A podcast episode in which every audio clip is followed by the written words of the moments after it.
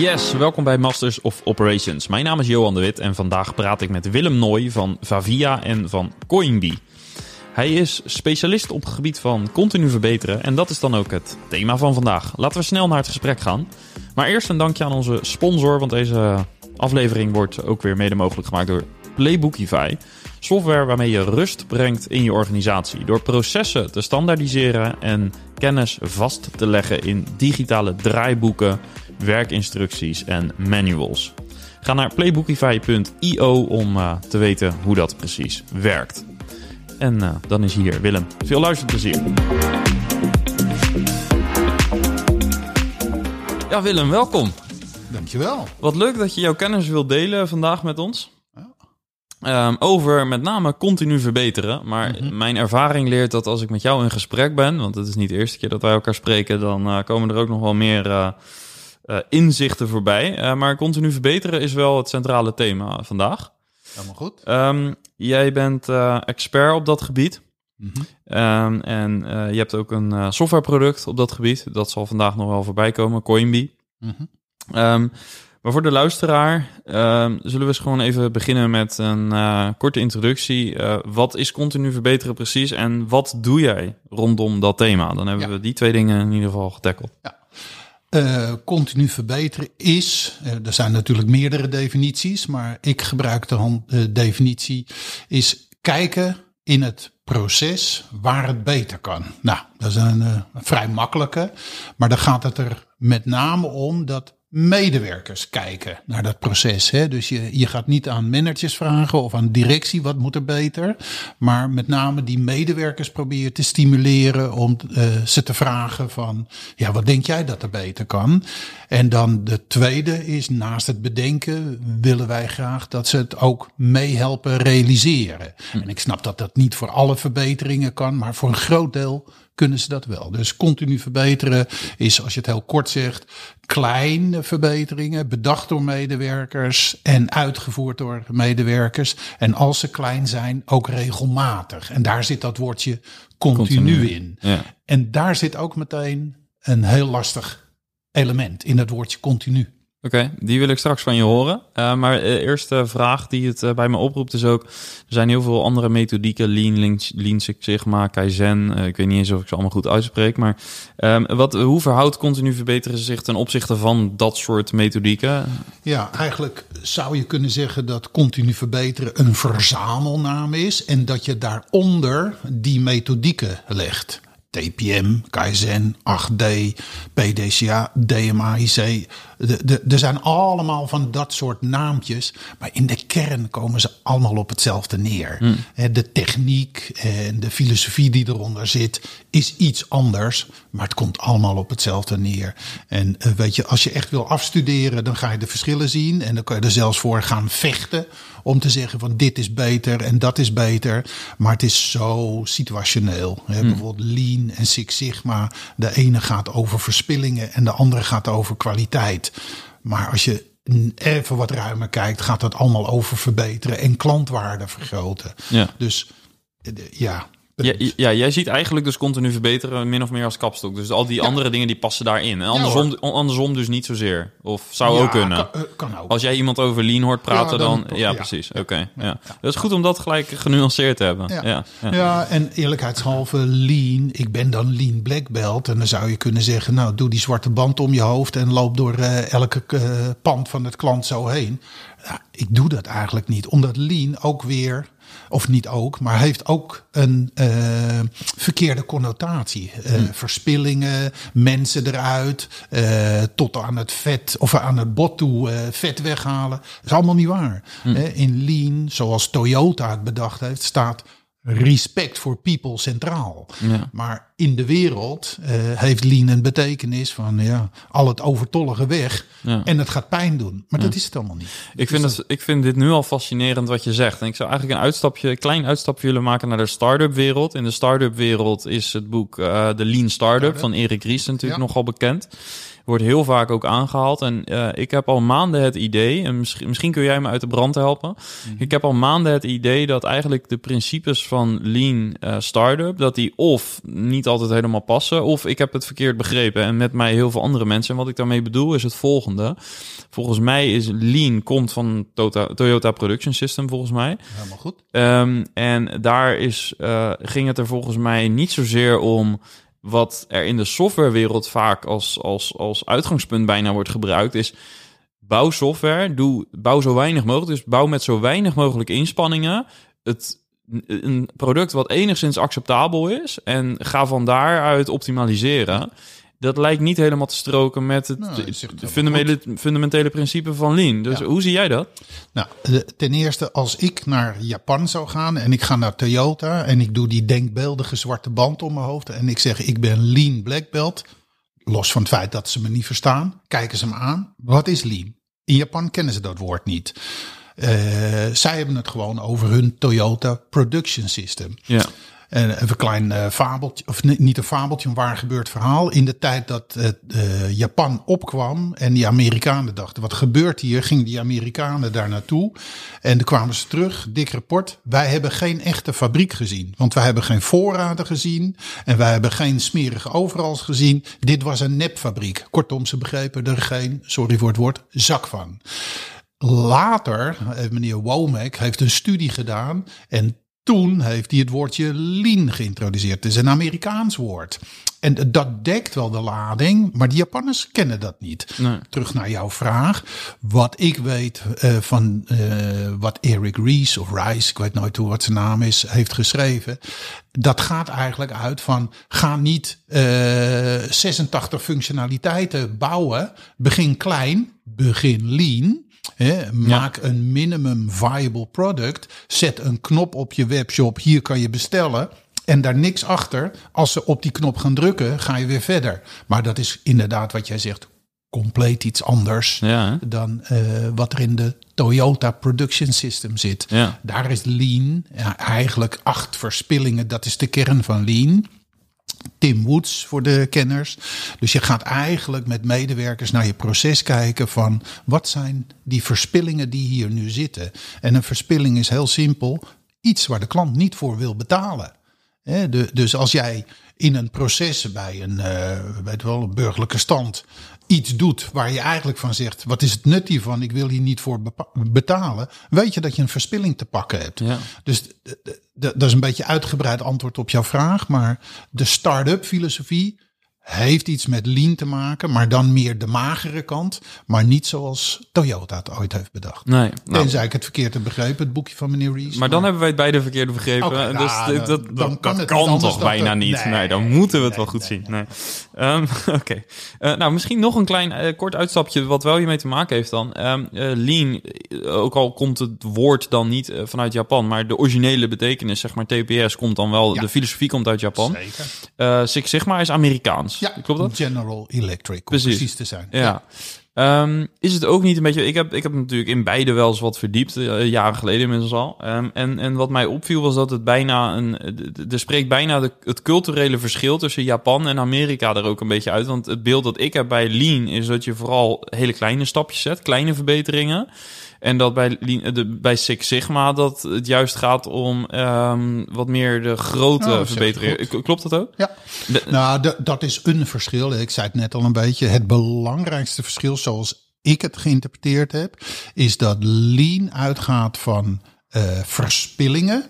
En eh, Six Sigma gaat uit van variatie. Daar komt die. Six Sigma 3,14. Daar praten ze ook in defects per million opportunities.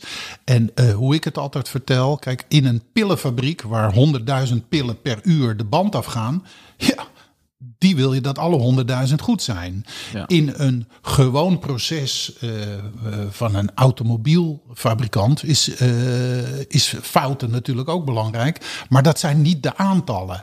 Daar gaat het meer om een efficiënt proces. En Ja. bij Six Sigma gaat het om een kwalitatief proces. Ja. Dat het daarna ook wel om een efficiënt proces gaat. Maar dat zijn de grote verschillen. En precies wat jij zegt. In Lean doe je cycli, PDCA, cycli, om dichter bij je eindbestemming te komen. En in Six Sigma doe je DMAIC projecten.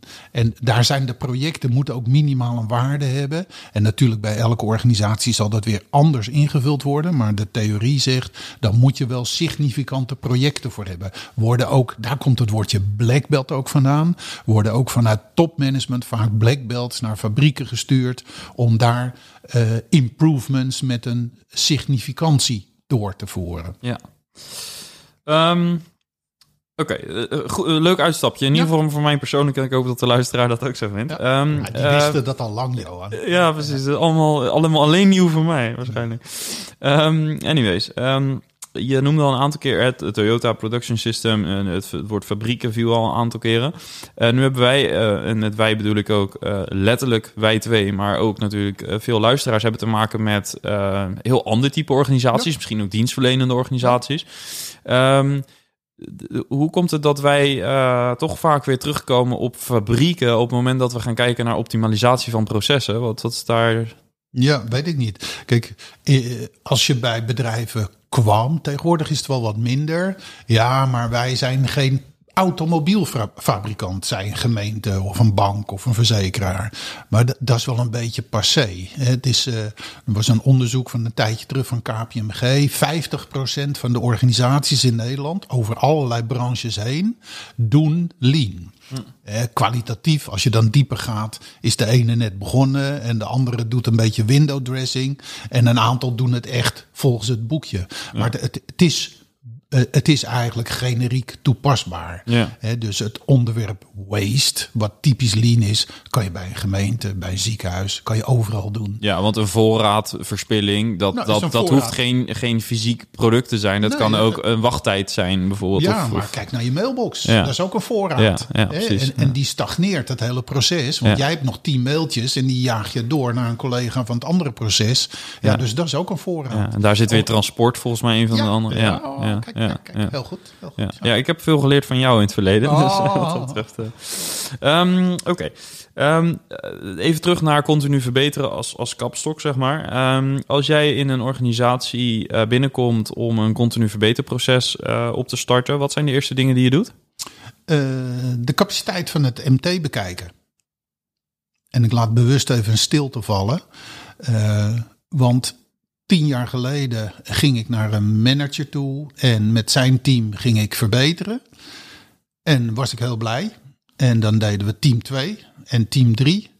En dan kwam ik uh, uh, twee jaar later terug en dan was het stil. En, daar was ik ziek van, want daar hou ik niet van. Wel, ik vind het leuk om iets blijvends te realiseren. Dus daar uh, heb ik flink over nagedacht. En daarom is het antwoord op jouw vraag: wat is het eerste wat je doet? Kijken naar het MT. Ik was laatst op een, uh, noem maar offertegesprek.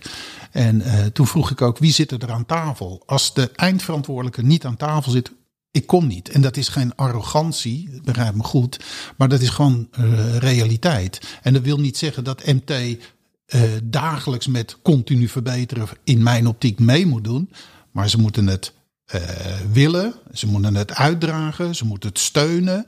Uh, ze moeten de financiële middelen voor uh, ter beschikking stellen. Ze moeten de tijd voor ter beschikking stellen. En eerlijk gezegd, ik noem het ook geen continu verbeteren meer.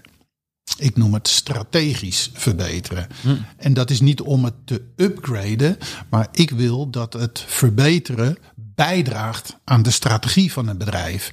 En door dat woord te gebruiken, wordt het MT of topmanagement wordt al wat geïnteresseerder in dit vraagstuk.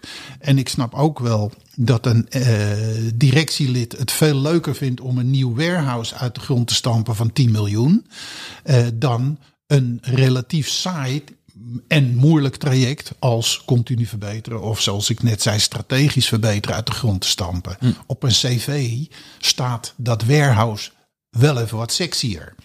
Maar dat strategisch of continu verbeteren, what's in the name, dat levert per saldo zoveel meer op. Hm. En zeker in deze tijd. Waarom? Ja, goede vraag. Kijk, verbeteren doet eigenlijk elke organisatie. Hè? Want stilstand is achteruitgang. Al dan niet onbewust. Nou, ik, ik, ik, denk ook wel bewust. Hm. Want er komt een klacht van een klant. Ja, dan moeten we eens even iemand opzetten om wat te doen. Ja. Alleen het grote onderscheid is: doe je het incidenteel, hè, reactief. Of doe je het gestructureerd? Ja. Ehm, dus verbeteren doen ze allemaal wel. Maar weet je, ik zie gewoon dat bedrijven daar niet zo heel goed in zijn. Hè. En, en dat kan je ook herkennen. Hè. Eh, herkennen in de zin, eh, als je vraagt hoe lang duren projecten? Ja, langer dan we hadden bedacht. En project is misschien niet een goed woord bij verbeteren. Maar hoe lang duren verbeteracties? Ja, langer dan we zouden willen. En als we een oplossing hebben, ja, dan Drie maanden later is het probleem toch weer teruggekeerd. Er zijn ook prachtige onderzoeken van die dit allemaal duiden. Dus de kwaliteit van dat verbeterproces, dat moet op een hoger niveau. Ja, uh, wat doet dit trouwens met uh, de interesse van de werkvloer als je het niet continu, maar strategisch verbeteren ja. noemt? Ja, uh, als je het uh, op de vloer zo noemt, in het begin zeggen ze van, daar zijn wij niet van. Maar als je het uitlegt, want tegenwoordig elk bedrijf begint met missie, visie, doel en strategie. En dat is ook een grote frustratie van veel bestuurders of van veel managementteams. Ja, wij hebben keihard zitten zweten op die strategie, maar op de vloer herkennen ze dat helemaal niet. Nee, we hebben een schitterende management offsite gedaan. We hebben een fantastische PowerPoint presentatie. We hebben het gepresenteerd. We hebben het hele team getrakteerd. We hebben gezegd, dit gaan we doen. Fantastisch En twee weken later is iedereen weer in de dagdagelijkse... Ja, de, dus uh, als wij het goed brengen, brengen we, uh, verbinden we ook dat strategisch plan met de vloer. Dus het zorgt ook voor alignment. Ja, zeker. Ja. zeker. Ja. er is een heel mooi boek, uh, Strategie is executie. Daar staat in 20% gaat aan het bedenken en 80% is nodig om die executie van die strategie te doen.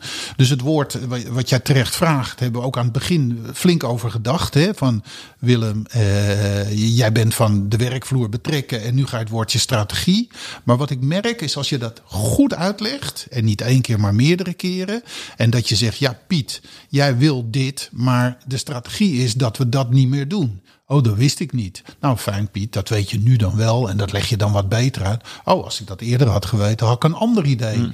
Dus strategie is geen boardroomtaal.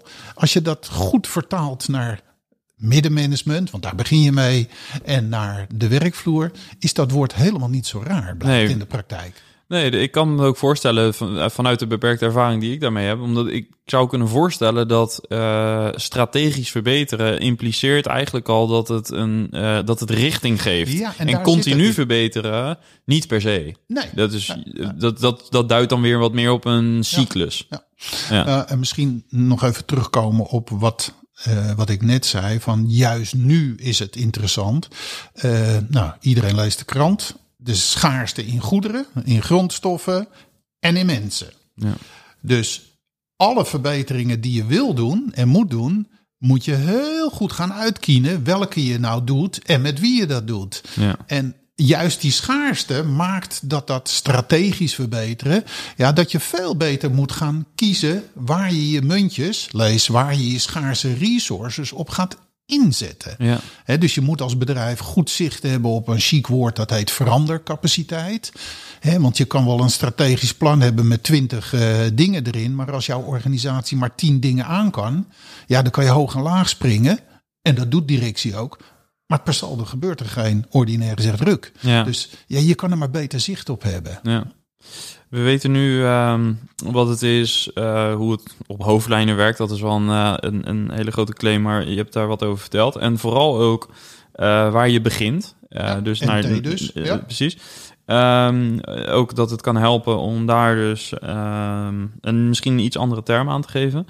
Um, hoe zit het met de rollen? Dus wat voor rollen heb je nodig in een team om zoiets tot ja. een succes te maken? Ja, nou allereerst, ik richt me met ons bedrijf op bedrijven tussen, of organisaties tussen de 50 en 2000 medewerkers. Dus als je in een bedrijf met 50 over rollen gaat hebben, ja, daar begin ik dan maar niet aan. Nee. Dus dat is zwaar. Maar als je wat grotere organisaties, dan kan je het daarover hebben. Kijk, in een klein bedrijf heb je ja, een rol als aanjager of sponsor vanuit MT. En je hebt een handig mannetje die verstand heeft van het onderwerp verbeteren. Hm. En uh, we, we, dat heb ik niet verteld. Wij doen eigenlijk twee dingen. Wij kunnen als consultant een proces verbeteren. Of als consultant een proces van verbeteren verbeteren. Dus het ja. continu verbeteren. Ja. En dat we daar een softwareproduct voor hebben voor dat laatste, dat is dan weer eh, stapje drie. Maar als je daar dus een sponsor hebt en je hebt een opgeleide, noem het maar, verbeter professional, ja, die kan al. Met die twee rollen kan je al zoveel doen in een organisatie. Ja. Er zijn statistiekjes, dat komt wel uit eh, General Electric, die zegt per 100 medewerkers heb je één verbeter professional nodig. En wat vind jij daarvan, vanuit jouw ervaring? Ja, ja, dat Ja. klopt wel aardig hoor. Ja, oké. En, en weet je, eh, eh, soms is het 0,75, soms, eh, afhankelijk Tuurlijk, van ja, de fase ja, ja. en het soort. Kijk, als je één proces hebt met wat alle 100 medewerkers doen, dan heb je iets anders dan dat je 10 processen in een organisatie hebt. Maar, Ja, maar we gaan even voor een vuistregel. Ja, ja, ja. Ehm, Ja. Oké, En die man verdient zich terug, hè? Op welke manier? Nou, die man die kost een tonnetje. Ja. Even eh, heel, heel populair. Hij doet eh, drie verbeteringetjes per jaar en het is al klaar. Ja. Dus, eh, ja, want dat is meteen natuurlijk de, de volgende stap. Hè. Je gaf al aan, de management moet er moet committen door aanwezig te zijn, moet, moet budget en, en zo ervoor hebben.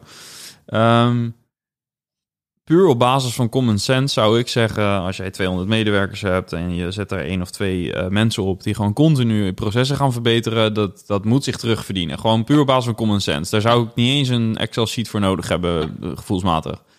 Ehm, maar toch is het ehm, niet zo vanzelfsprekend volgens mij. klopt. Dus, dus wat, wat voor argumenten heb jij naar eh, bedrijven ehm, om, om, om dit serieus te nemen? Kijk, ehm, En misschien ook wel wat zijn de objections die je dan... Ja, aantreft. Ja, ja, precies. Kijk, die objections, ik heb ze eens een keer geïnventariseerd, dat zijn de bergen. Hè? Maar als ik tegen jou zou zeggen, hoef ik niet tegen jou te zeggen, ga vaker naar de sportschool en je bent daar niet van, en daar komt al een interessant woord, heb jij 20 objections. De hond, mijn vrouw, de auto, mijn werk. Eh, eh, Nou, als ik nog even creatief word, heb ik er nog meer. Dus het het is zoeken naar wat iemand zou kunnen triggeren om het wel te gaan doen. En ehm, da- dat is echt een eh, persoonlijke zoektocht. Ik heb klanten die bellen, ik ben van verbeteren, kom me helpen, want ik wil naar een volgend volwassenheidsniveau. En er zijn gelukkig genoeg voorbeelden. Eh, Deze klant kan ik wel noemen, Royal Flora Holland. Die is al tien jaar hiermee bezig, zit in de strategie verweven. Er zijn zoveel mensen opgeleid. En eh, daar kwam het door het vonkje van de COO, eh, nee, CEO destijds. Dus En wat maakte dat zo'n persoon... ervan. Ja. Maar wat maakt het? eh, Heb je daar patronen in kunnen ontdekken? Ik bedoel, er wordt vaak gerefereerd aan diskprofielen, aan achtergronden, dat Nee, soort dingen. Die, die logica heb ik nog nooit gevonden. Nee. Als je het één keer mee hebt gemaakt, dit was eh, Lucas Vos, ik heb de goede man zelf niet gekend, maar die heeft dat daar geïntroduceerd en die ging er eh, als een heilige voor. Ja. En hij was ervan, hij had dat eerder meegemaakt en hij zei, ja, dit is voor ons de weg die we gaan bewandelen. Ja. En dat deed hij ook. Ja. En da- daarom zei ik net ook, je moet aan de top een, ja, een believer is misschien een beetje een raar woord.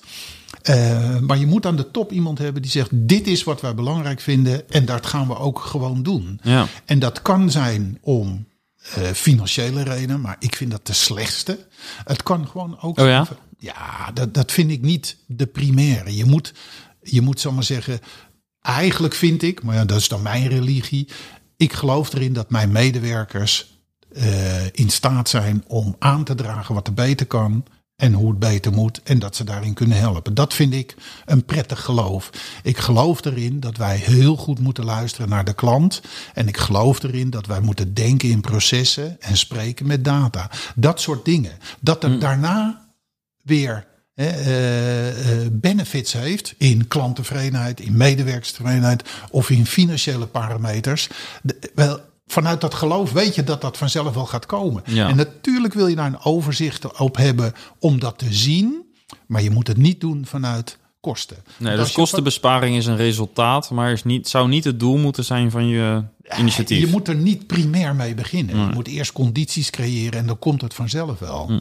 Maar kan het juist ook niet een, eh, een fijne introductie of, of een fijn bewijs zijn dat je binnen een organisatie met een verbetering een mooi rendement uh, verschil had, uh, kostenbesparing, dat het juist een beetje kan triggeren van, hey, kijk, dit doet het. Ja. Want het is wel lekker meetbaar als je, als je een kostenbesparing Ja, inzichtelijk kunt maken. klanttevredenheid is ook meetbaar. Ja, en ja. medewerkerstevredenheid is ook Ja, meetbaar. precies, en de ontwikkeling van medewerkers is ook meetbaar. Ik heb, eh, het was het twee maanden geleden, bij een klant een soort verbeterhuis geïntroduceerd. En daar staan de pijlers in die je nodig hebt om dat verbeteren op gang te brengen. Ik heb alleen twee dakjes, hè, dat tekenen wij graag, anders gemaakt. Het dakje doel is klanttevredenheid verbeteren. En het andere dakje was medewerkerstevredenheid verbeteren. Nou, weet je, dan denk je van waar gaat het om? Maar je krijgt hele andere verbeteringen als je medewerkerstevredenheid Ja. kiest. Ja. En je krijgt hele andere verbeteringen als je klanttevredenheid kiest. En als je een dakje zou kiezen, kosten naar beneden, krijg je ook weer hele andere verbeteringen. Dus wat Maar daar jouw zit doel ook, is. ja, en daar zit ook weer de match met je strategisch verbeteren. Die Ja. maakt dat logischer. Precies, Ja. precies. Dus als jij in je strategie hebt staan, wij moeten eh 3 miljoen besparen, ja, dan gaan de verbeteringen de financiële parameter hebben. Ja. Maar meestal is dat niet zo. Nee. Ja, het rendement moet omhoog, klanttevredenheid moet omhoog, marktaandeel, we zien groei en Ja. we willen groeien. Dus dat zijn de leukere. Maar moet je ook nooit vragen om een eh, puur kostenbesparingstraject waar medewerkers weggaan. Hm. Want dat is vragen aan een kalkoen wat hij wil eten voor kerst. Want ik ga dan naar medewerkers. hey Johan, heb jij nog een verbeteridee? Komma, by the way, als je dat hebt ingediend, wordt je functie overbodig. Ja, dat trappen medewerkers Nee, dat niet is redelijk kansloos. ja, maar ik, ik doe daar niet aan Nee, mee. nee, ik doe daar niet aan mee. nee. Dat, dat, dat vind ik niet leuk. Je gebruikt de term verbeterhuis met verschillende pijlers. Je noemde Ja. er twee. Eh, wat zijn andere mogelijke pijlers? Nou, eh, je hebt eigenlijk, ja, dat kan je in een podcast niet doen, eh, tekenen. We kunnen Dus niet dat- schetsen. Nee, Nee. nee, dus ik, ik doe nu een beroep op de luisteraars visuele inbeelding. Maar stel dat je, of je neemt de metafoor huis, daar heb je een fundament. Daar staan dingen in als een procesmodel en werkinstructies. Dan heb je dat dakje waar we het net over hadden. En dan kan je twee of drie pijlers erin hebben.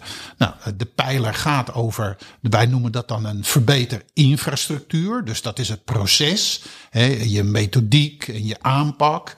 Eh, en je hebt een pijler die heet gedrag, mindset. Dat is de softe en de belangrijkste, ga ik je nu al verklappen.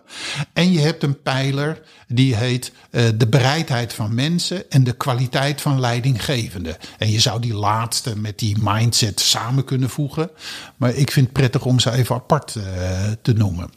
En die mindset, dat, dat is eigenlijk waar het om gaat.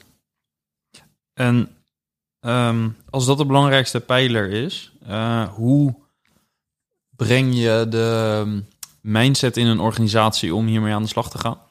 Eh, even, even nog los van het management, want daar hebben we het een beetje over gehad al. Ja, ja dat is dan topmanagement. hè. Want wij, wij eh, Ja, precies. De. C-level, directielaag. Ja, je kan gemakshalve een driedeling maken: top, midden, werkvloer. En natuurlijk zijn er veel meer lagen. Maar die top moet mee, het middenstuk moet mee en de werkvloer moet mee. Nou, als de top het initieert, is het al een stuk makkelijker. Want dan komt er aandacht voor. Dan komt het ook in managementgesprekken. Dus eh, de top eh, spreekt met de middenmanager. hey, hoe staat je operatie? Hey, hoe staat je verbeterinitiatief? Op het moment dat je die laatste vraag niet stelt en je blijft alleen maar zeuren op de operatie, weet je dat, je, eh, dat het een stille dood gaat sterven. En die mindset, ehm, wat wij doen, is dat gedrag wat hoort bij verbeteren, benoemen. En heel langzaam eh, laten groeien. Een voorbeeld van gedrag, een uitspraak, zo doen wij dat al jaren. Ja, die gaan we heel, die is, brengen we ter discussie. Fijn dat we dat zo, eh, dat je dat zo zegt. Maar we zijn op zoek naar een verbetering. Staat niet in mijn functieprofiel, is ook zo'n lekkere dooddoener. Ja, ja. Eh, nee, het staat niet in jouw functieprofiel, maar we gaan het toch proberen. En Maar je verander je dan het functieprofiel in deze? Uiteindelijk gaan we dat doen. Dus ik, eh, eh, de, net zei ik heel stoer van eh, ik check het MT, maar ik check ook eh, functieprofielen. En al, daar, maar daar staat bijna altijd in dat verbeteren een onderdeel is van uh, de functie waar het over gaat. Ja, Zeker dus, op dus, management. Dus, het staat er wel in? Ja, uh, de meeste gevallen wel. Ja. Uh, maar als het er niet in staat, ja, dan gaan we dat bespreken. En dan moet het aangepast worden. En weet je, functieprofiel, dat is een hele andere discussie. Geloof ik allemaal niet meer zo in. Hè, want dat is stom papier. Ik wil liever zien wat ze in de dagelijkse praktijk doen. En als ze dat doen, dan passen we wel een keer een functieprofiel aan. Hmm. Maar je probeert te zoeken wat ze moeilijk vinden. En dat zijn eigenlijk de excuses die je in het voorbeeld net ook al uh, noemde voor naar de sportschool gaan. Staat niet in mijn functieprofiel. Ik heb er geen tijd voor. Zo doen we dat al jaren. Uh, uh, hier is geen goede business case voor. Ik, ik, geloof dat ik een lijstje heb met twintig van die smoesjes om maar niet te willen verbeteren. En het is ook moeilijk, Johan. Wel, op een pakje sigaretten staat stop met roken, het is dodelijk. En toch roken mensen. Ja. Dus, en ik ga verbeteren niet vergelijken met uh, stoppen met roken. Maar het is gewoon moeilijk. Als je echt al 30 jaar lang uh, hetzelfde doet. En dan komt zo'n uh, directeur en die zegt: Ja, we gaan proberen het beter, sneller, makkelijker, veiliger te doen. Ja, waarom eigenlijk? En het zijn goede vragen. Maar meestal is het gewoon: je moet iets afleren en je moet iets aanleren. Ja. En waar. Um, zeg maar, waar focus jij op op het moment dat je dan in zo'n team een bepaalde weerstand uh, merkt, uh, maar je wel vanuit het management echt nou ja, de opdracht hebt om het door te voeren? Uh, nou, want je zegt dat goed in een team. stel je hebt een team, doe even twaalf medewerkers, dan heb je er drie voor de kar, vijf achter de kar of op de kar en misschien twee of vier, ik eh, ben niet zo goed in tellen, maar met vier komen aan twaalf, achter de kar. Nou, de, dus uh, die voor die willen het en die erop zitten die kijken het aan en die laatste die houden het tegen. De uh, eerste gedachte is natuurlijk, ik moet die tegenhouden meekrijgen. Niet doen. Juist die positivo's, die moet je gaan belonen. Gewoon die negativo's negeren. En die gaan dan kijken, hè, ik krijg geen aandacht. Uh, dus dat is stap 1. En de ervaring leert dat die op de kar zitten, die worden vanzelf dan weer positivo. Want ja, ze zien, hé, hey, we gaan door, we boeken succes. Oh, daar wil ik bij horen. Dus één dingetje wat ik uh, altijd zeg waar je mee uit moet kijken. Stel, er zit iemand vanuit een OR of iemand met een informele macht achter die kar. Ja, daar moet je wel iets specifieks voor doen. Hm. En op een gegeven moment gaat dat proces de goede kant op. Zo niet, dan ga je ingrijpen. Ja. En wij als consultant zullen dan niet ingrijpen, want wij hebben geen formele zeggenschap over die man of vrouw. Maar dat ga je dan via de lijn doen. Ja. En, en ja, weet je, het bedrijf komt in gevaar uh, als die meneer of mevrouw uh, of jongen of meisje, I don't care, niet meedoet. Dus je doet het niet om hem of haar dwars te zitten. Nou, het is gewoon uh, uit het oogpunt van de continuïteit van de organisatie. Dus ja. Wel, de motieven zijn gewoon helder. Ja, ja ik heb ooit van een, een, een consultant gehoord die, die veel van dit soort trajecten deed. Een, een soortgelijk verhaal eigenlijk. Die zei van nee, je hebt altijd in een organisatie bij veranderingen heb je 20%. Dat zijn de game changers, die, dat zijn de mensen voor de car, zeg maar. Dan heb je 20% die zit erachter, dus die houdt het tegen. Ja.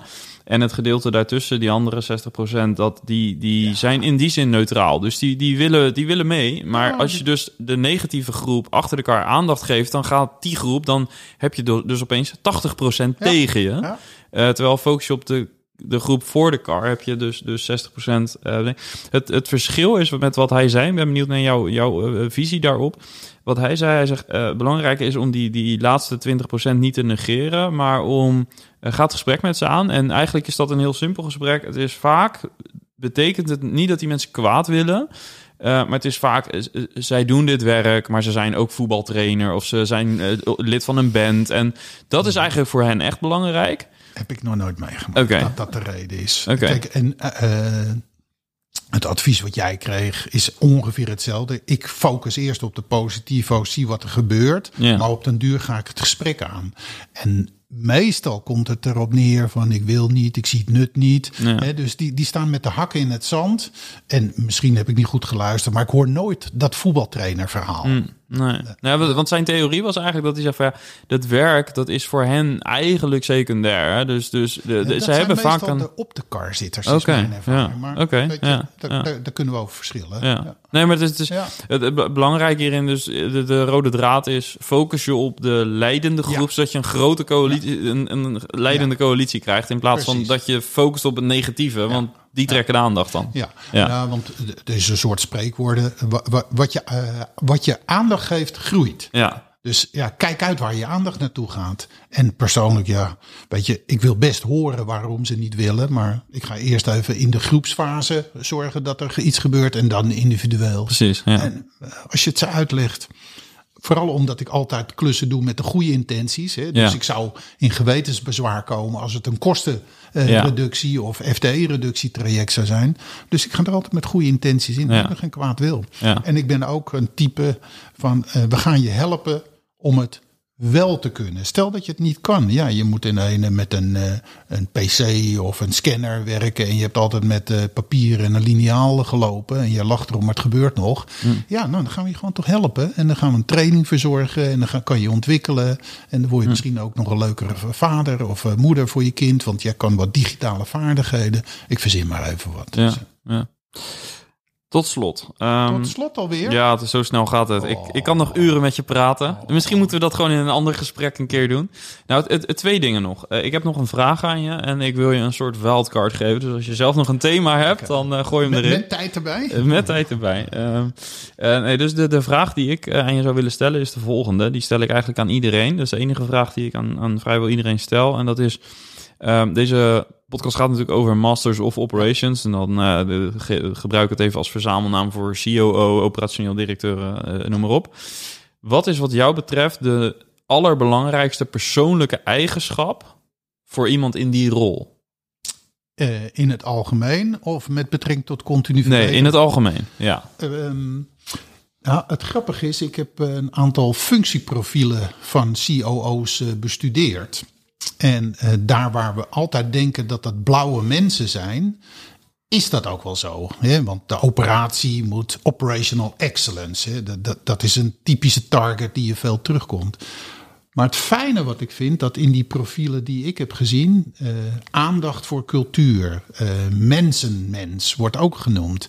Dus het profiel van puur blauw, dat is niet meer zo. Tenminste in de functieprofielen. Dat er nog heel veel blauwe, om het zo maar eh, te zeggen, zakelijke, rationele COO's zijn.